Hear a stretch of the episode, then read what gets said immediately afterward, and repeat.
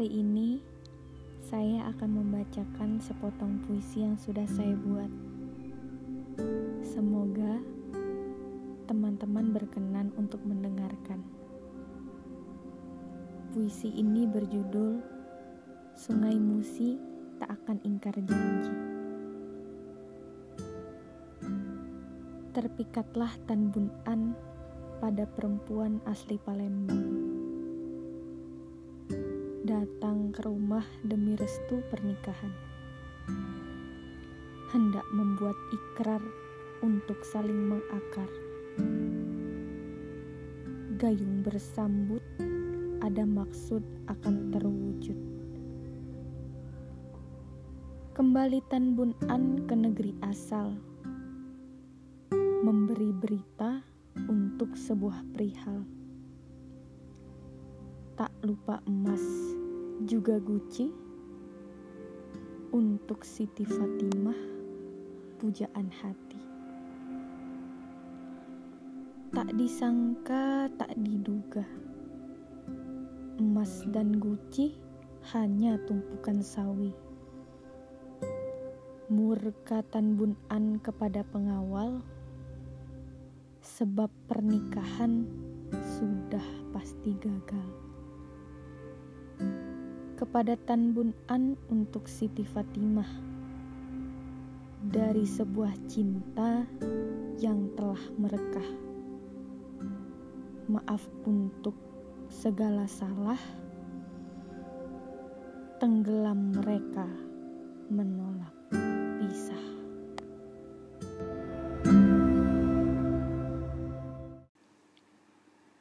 Pernah nggak kalian ngerasa kalau kalian sedih, rasanya semua orang tuh bahagia.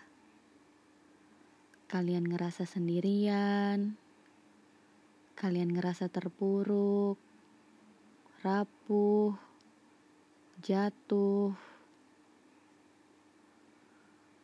Kalau jawabannya iya, yang lagi saya rasain yaitu rasanya dunia gak adil.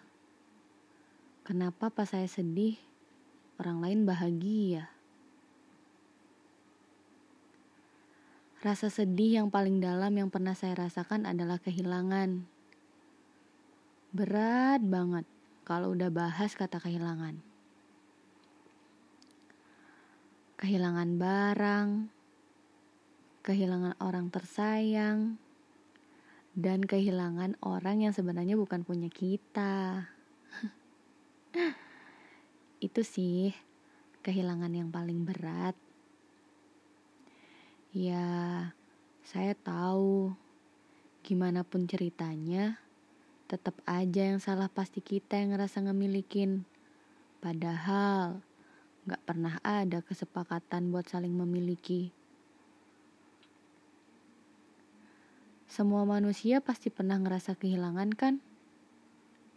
Beda cerita kehilangannya, beda juga cara nyembuhin rasanya. Setiap yang hidup pasti akan mati. Setiap pertemuan pasti ada perpisahan. Dan setiap yang ada pasti akan musnah. Kalimat-kalimat itu yang saya jadikan penawar rasa sedih saat kehilangan.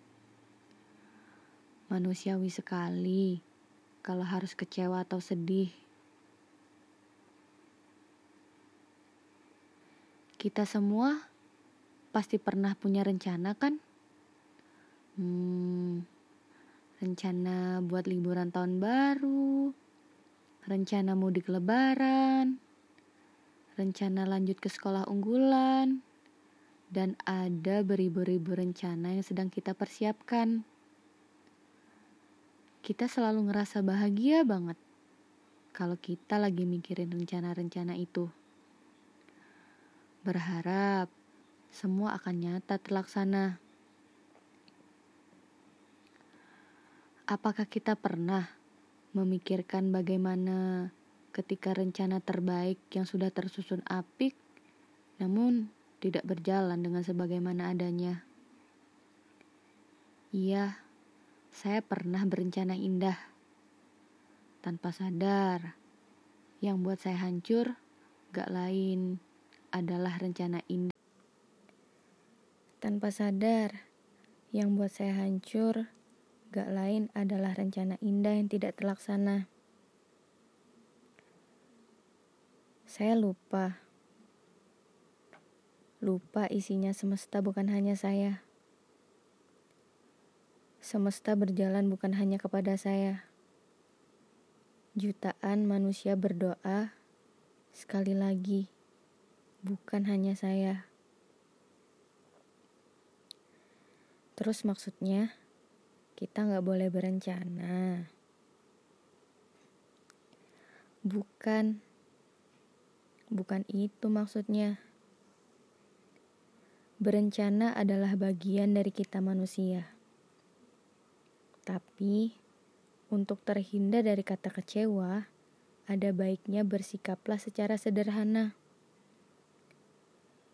Berharaplah bahwa Tuhan senantiasa paham akan kebutuhan umatnya. Jangan sampai rencana kita mengalahkan ketentuan yang sudah ada. 2020 bukan tahun yang gak baik, bukan tahun sial, dan bukan tahun kehancuran. Mungkin dari kita semua sudah merencanakan hal indah, namun nyatanya tidak terlaksana. Kejadian ini tidak lantas membuat kita berhenti berencana. Ayo, bersama-sama kita nantikan kelahiran hal-hal baik yang sudah dipersiapkan untuk menjadi penyelamat bagi kita manusia-manusia kuat.